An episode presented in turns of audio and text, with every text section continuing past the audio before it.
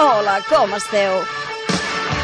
Deixeu-me que canvi de to avui. Parlem de l'eutanàsia. Els que tenim animals sabem que perdre'ls suposa un gran buit. És el meu cas també amb la Kira, que va morir fa dos anys. Per tots aquells que han sabut conviure en moments difícils com aquests i pels qui amb animals a casa inevitablement tard o d'hora s'hi trobaran, els uns i els altres va dedicat al podcast d'avui, l'eutanàsia. Com sabem que ha arribat el moment? Ens hi posem de quatre potes. RAC més i Wow en Cat us ofereixen Animals de companyia amb Bàrbara Julve, un podcast per una relació saludable amb els vostres animals. La veterinària Helena Soy de l'Hospital Veterinari Canis ens explicarà els senyals que hem de tenir clars per fer el pas. Olga Porqueres, doula de l'ànim animal, ens farà veure que la mort forma part de la vida i els animals l'entenen com un procés natural. L'escriptora Núria Esponellà ens parlarà de com van ser els seus últims instants amb la seva gosseta Lola. La Núria té ara una gossa de raça galga i una quinzena de gats a casa. I per començar, l'educador caní Albert Vilardell de Tartaruga Educació Canina resoldrà la consulta. Ei, uh, Bàrbara, hola, mira, que sóc la, la Míriam Díaz del versió RAC1. Míriam, què fas per aquí? Mira, és que estic aprofitant que tens l'oient aquest de capçalera que està al lavabo i aprofito per entrar al podcast perquè tinc una pregunta per l'educador eh, caní eh, per aquest tema de l'eutanàsia que m'interessa molt, tot i que suposo que el tractareu amb una mica de gràcia, que no sembli això un enterrament de tercera. Dona, és que és un tema que no està gaire per festes. No, ja ho sé, però és que, mira, eh, jo tenia una gosseta que es deia Negri, eh, que la vam haver de sacrificar i, i la vam haver de portar al veterinari. I a vegades me'n penedeixo de si hauria pogut fer-li el, el comiat a casa. I no sé si això seria possible o m'ho recomanaria l'educador. Què creus? Doncs li traslladem la pregunta, Míriam. Sí, sí. Ai, ai, ai, ai, escolta'm, que ja ja torna el teu oient vaig passant que, que no se m'emprenyi. No pateixis, potser és la millor manera de desfer-me d'ell. Hem compartit i gaudit, però si hi ha un moment que hem d'acompanyar i estar al costat dels nostres animals és ara, encara que costi. Deixem per més endavant la tristesa. Serà el millor regal de vida que els podrem donar. Dels perquès que sorgeixen, de què podem aportar nosaltres i de l'emoció que colpeja moments així, ens en parlarà avui l'educador caní Albert Vilardell del projecte Tartaruga Educació Canina basat en els valors essencials del respecte, la confiança i la sinceritat amb els cànids. Albert, benvingut, com estàs? Bon dia, Bàrbara. Estem molt bé. Avui ens toca parlar probablement d'un tema, un tema gruixut, un tema trist, però és un tema força present.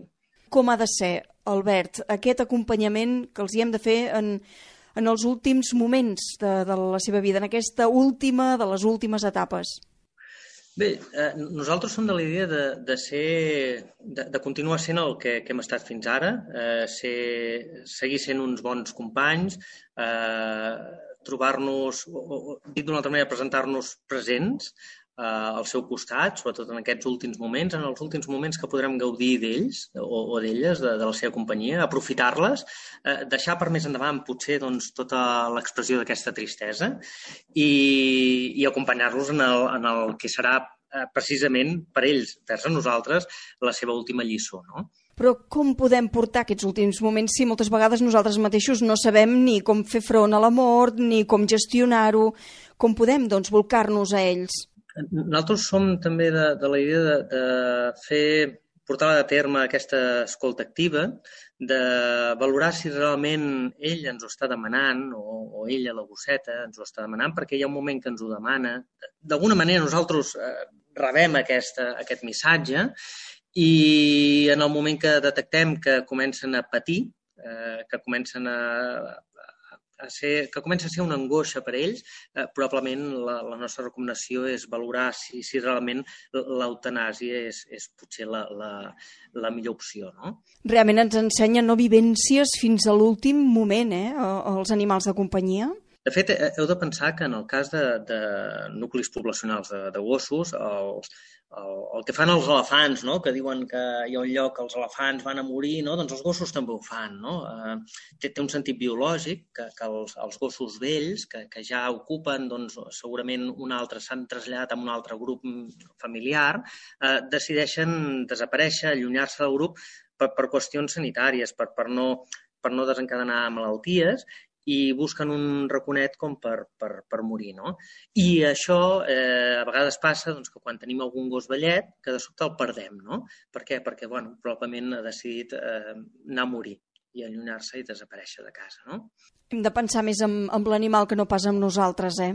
Probablement són moments eh, que, si bé és cert que des de sempre hem de pensar més en ells que, que en nosaltres, perquè de fet tenim la responsabilitat eh, bueno, de, la, de la seva cura, en aquests moments hem de pensar al 100%, al 150% amb, amb quines són les necessitats que té. I ell, precisament, ell el que no necessita és veure'ns patir, veure'ns angoixats, veu... no, ens ha de veure tranquils, ens ha de veure, eh, malgrat tot, eh, però ho, ho hem d'expressar d'acord, hem d'expressar sincerament que estem tranquils, que, que estem amb ells i bé, si també hem d'expressar doncs, aquesta enyorança, l'hem d'expressar, no? Però jo, jo sóc de la idea de probablement reservar-nos per més endavant, no? Per més endavant vol dir, eh, en, en quan ja no hi sigui, doncs llavors doncs, eh, deixar-nos portar per aquestes emocions que, que al final són importants també expressar-les, no? I, I per què no agrair-li tot, tot aquest temps que ha estat amb nosaltres, que, que és, jo crec que és fonamental, i no deixa ser un procés de, de, de, bueno, de com en diríem, de, de... Estem sorant del despito, no? De, de dir adeu, no? L'acomiadament. L'acomiadament, exacte. És que no m'ho sortia ara. És un moment tan... és que és un moment trist, eh?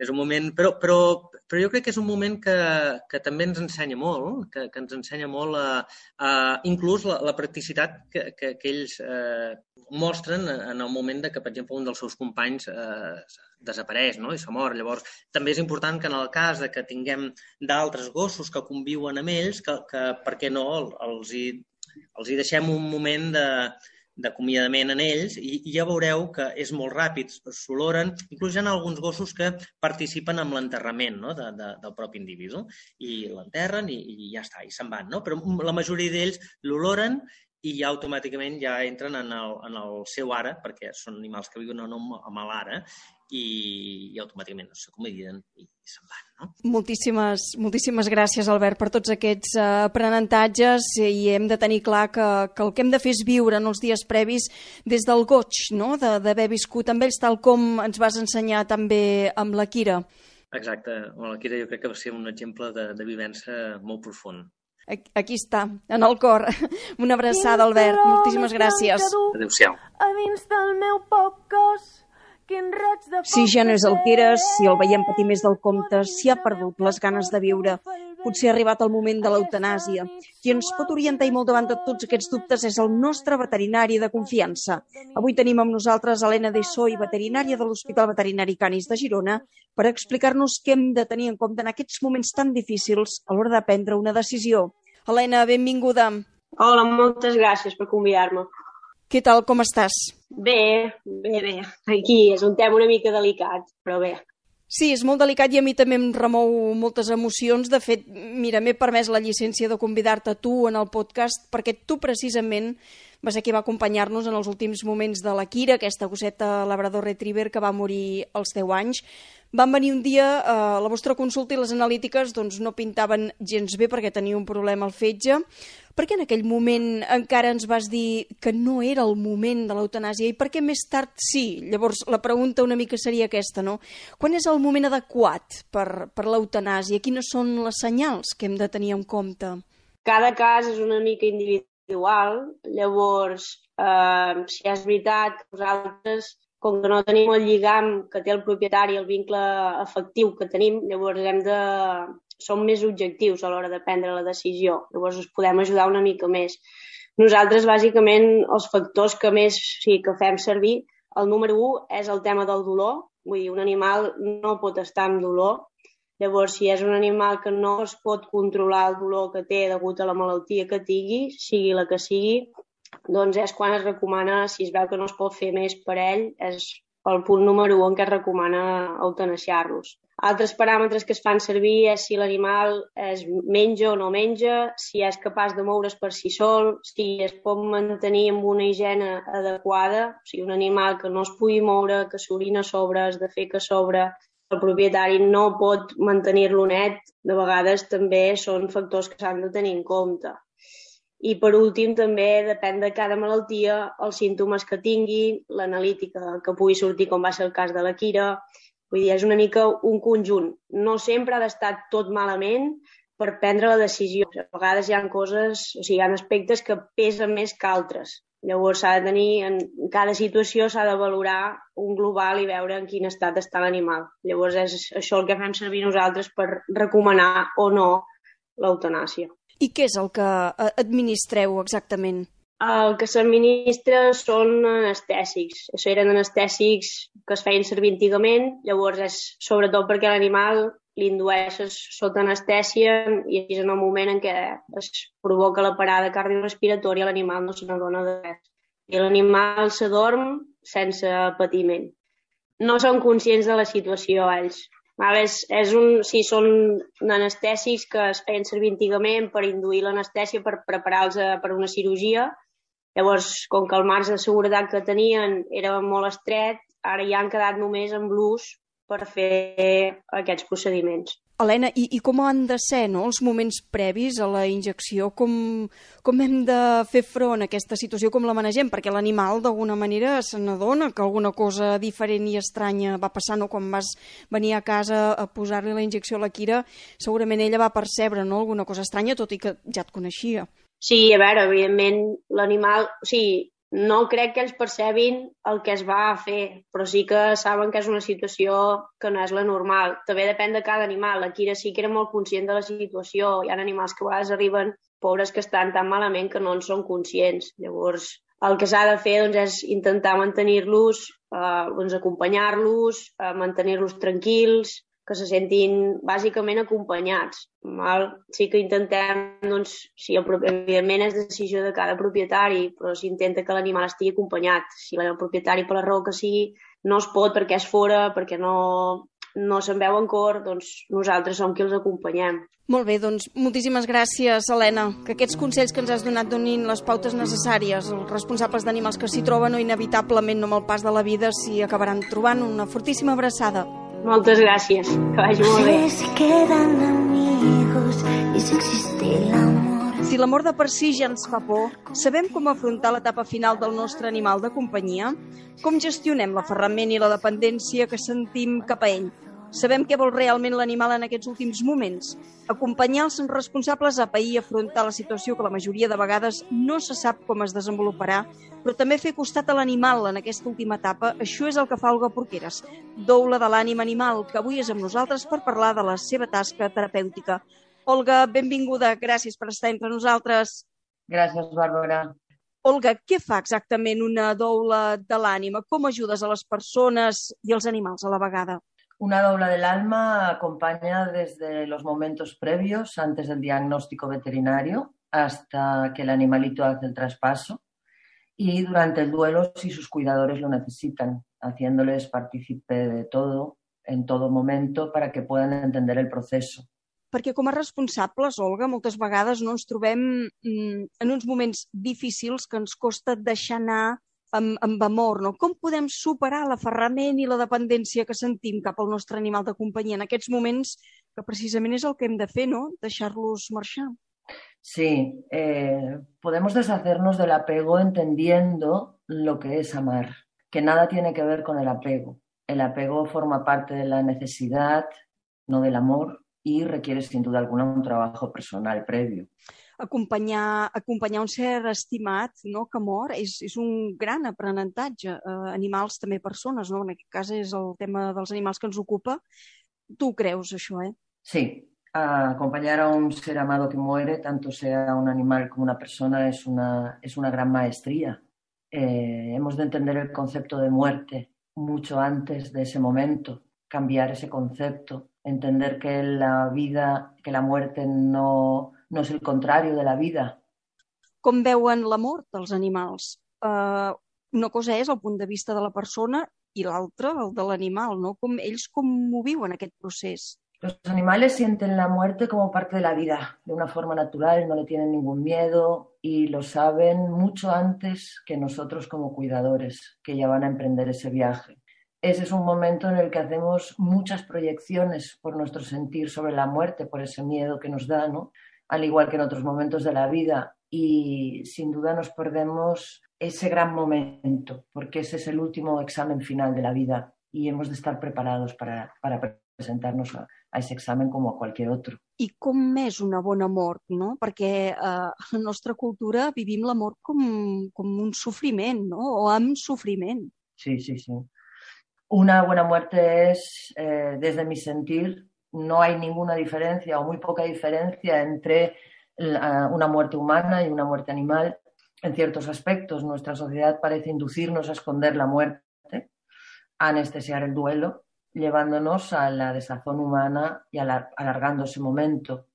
Una buena muerte es marcharse con una completa paz y profunda paz interior, sentirnos en paz con nosotros mismos, eh, con la vida vivida, habiendo aprendido que todo lo que nace muere en algún momento, sintiéndote respetado por tus decisiones, tener derecho a elección, tener acceso a los cuidados paliativos, no solamente en el hospital, también en casa, tener la libertad de elegir con quién deseas vivir ese momento, quién quieres que esté presente, con quién compartir tus últimos momentos, redactando las voluntades anticipadas que te aseguren que tu deseo será respetado y que nos permitan morir cuando llegue el momento sin intentar prolongar la vida sin sentido.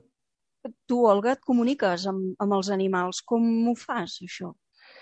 Eh, lo hacemos, los comunicadores lo hacemos a través de telepatía. Telepatía es conectar con ese animal de corazón a corazón, eh, de alma a alma, y recibir toda esa información que puede venir a través de eh, imágenes, sentimientos, emociones, ya que los animales no solo son animales sintientes, o somos, porque somos animales también, ¿no? Animales sintientes, sino que también son y somos sentientes porque tenemos sentimientos. Entonces todo esto lo puedes, una vez recibido, lo puedes trasladar a los, a los responsables y cuidadores para eh, conocer sus necessitats.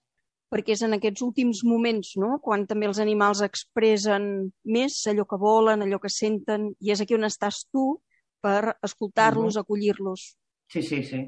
Exactamente, en estos últimos momentos yo creo que el papel del comunicador, igual que a lo largo de la vida, es muy importante porque tienen muchas cosas que transmitir y necesidades que normalmente no pueden transmitir, igual que nosotros, pero nosotros podemos verbalizarlo, ellos no. Molt bé, moltíssimes gràcies, Olga, per uh, la teva lliçó. Uh, hem de tenir una cosa clara, no? que el millor dels animals sempre, sempre, sempre segueix i seguirà viu al, al nostre cor. Una fortíssima abraçada. Una abraçada molt gran, Bàrbara, gràcies. Coneixeu l'escriptora Núria Esponellà? De ben segur que sí. Ha escrit un reguitzell de novel·les exitoses, entre elles Ànima de Tramuntana, que li ha merescut el Premi Prudenci Bertrana. Més enllà d'això, la Núria és una apassionada dels animals i, com tots els que estimem els animals, el dia que va perdre la seva gossa Lola va passar uns dies difícils. Avui comptem amb ella l'Espai Va d'Animals perquè ens expliqui com va viure aquest procés i quins altres corren per casa seva, que actualment són molts. Núria, benvinguda. Què tal? Ben, ben trobats, ben retrobats. Un plaer estar amb vosaltres. Núria la Lola era la vostra gossa Golden Retriever, als 14 anys va morir. Què li va passar exactament? Sí, bé, era una gossa molt, molt estimada, eh, que a més jo havia dit tres, dos vegades que no, no volia cap gos i la tercera la, vaig dir que sí. Li va passar que després de tots aquests anys de fer-nos companyia va agafar un tumor a la part del ventre i bé, la, jo la vaig voler operar perquè tot i que no hi havia perspectives que anés bé, um, vaig voler, diríem, fer tots els passos fins al final, no? I no va anar bé, o sigui, se li va tornar a reproduir i després amb la dificultat i la, el perill de que se li rebentés i que hi hagués allà un drama real, Uh, va ser molt dur, va ser molt dur. El meu marit no em volia ni sentir parlar perquè emocionalment això el, el destarotava moltíssim i vaig haver d'assumir jo eh, el procés final eh, de fer-li de, de, de, de fer l'eutanàsia, acompanyar-la fins l'últim moment, però va ser, de veritat, un dels moments més meravellosos de la meva vida, de la manera que ens vam acomiadar, i ara gairebé m'emocionaria si n'és el detall, no? per tant no cal. Però va ser meravellós, no? El, el, el moment aquell final i com ella em va mostrar aquella, sempre aquella, aquella serenitat, aquella, aquella estimació. I, i bé, mm, em va costar, eh? Em va costar, però mm, algun dia ens havíem de dir adéu. Vas veure alguns senyals eh, que ella et mostrés, no? que potser estava cansada ja de viure, o en què et vas basar per prendre Sí, aquesta a- decisió? a mi em va costar molt, ja dic, va ser, van ser tres mesos gairebé, entre una cosa i l'altra, decidir operar-la i després gairebé un mes per donar el pas. Eh, jo interiorment vaig estar pensant molt, estant molt al seu costat, gairebé parlant-hi, i dir, mira, Lola, mm, tal com estàs, veig que estàs patint, no? Aleshores, me sembla que el millor per tu és això. Mm, no sé, interiorment vaig tenir els meus diàlegs amb ella, me va semblar que en aquell moment eh, realment ja estava patint massa com per... i que ell em donava el permís, diguem-ho així, d'alguna manera. Són coses molt intuïtives, molt internes, que les sentim no? en un moment determinat. Uh, qui teniu ara per casa? Hi ha, hi ha Doncs- un reguitzell d'animals, no? Sí, déu nhi Ara tenim una gossa a la pipa que ha substituït una mica la Lola, que ens fa d'ocupa. Per cas dic d'ocupa perquè és el meu cunyat. Um, té un any i mig, és una galga, i, i viu per aquí a casa, viu, viu a casa. El que passa que a la nit la, la portem a dormir amb els altres galgos que té el meu cunyat, que són quatre galgos més. Eh, tres tres eh, femelles i un mascle. I ella està molt ben adaptada i molt feliç, i va lliure tot el dia. O sigui que, com que estem en un lloc de muntanya, un lloc tranquil, doncs la podem deixar lliure. I de gats en teniu vosaltres també? Doncs eh, una quinzena corren per aquí a casa. 15 Tenim gats! era... Sí, és que tenim una era molt gran i van, han anat criant. Tenim una veïna més que també és, uh, és una receptora de gats impressionant, els hi dona menjar, nosaltres també els hi donem, i al final ara ja hem decidit anar, anar esterilitzant les femelles, perquè això era Gatilàndia, eh? Clar, clar. Era un Sí. problema ja. Molt bé. I per acabar, Núria, ens pots recomanar un llibre o una pel·lícula on els animals siguin protagonistes i que t'hagi agradat? Sí, jo et recomanaria el llibre Timbuktu d'en Paul Auster, eh, perquè el protagonista és un gos que acompanya un vagabund. I és, és molt bonic per al punt de vista del gos, també. El narrador ens explica com veu el gos amb, amb, amb la simpatia, amb l'estimació que veu el gos al seu amo. I és un llibre molt ben escrit, molt, em vaig passar molt bé llegint-lo. Doncs moltíssimes gràcies, Núria, per explicar-nos la teva experiència d'aquests darrers instants de vida amb la Lola i que aquesta galga i els gats us alegrin. Ara, el dia a dia, una abraçada ben forta. Una abraçada a tots. I fins aquí el podcast d'avui, Vida Digna. Si el vostre animal de companyia la deixa de tenir, potser és que ha arribat el moment. Donem-los les gràcies per tants aprenentatges viscuts. La tristesa marxarà i ens quedarà l'amor. Vinga, va, en el proper capítol més. A dins dels teus llençols i tu i jo. RAC més i Wow en Cat us han ofert Animals de companyia amb Bàrbara Julve, un podcast per una relació saludable amb els vostres animals.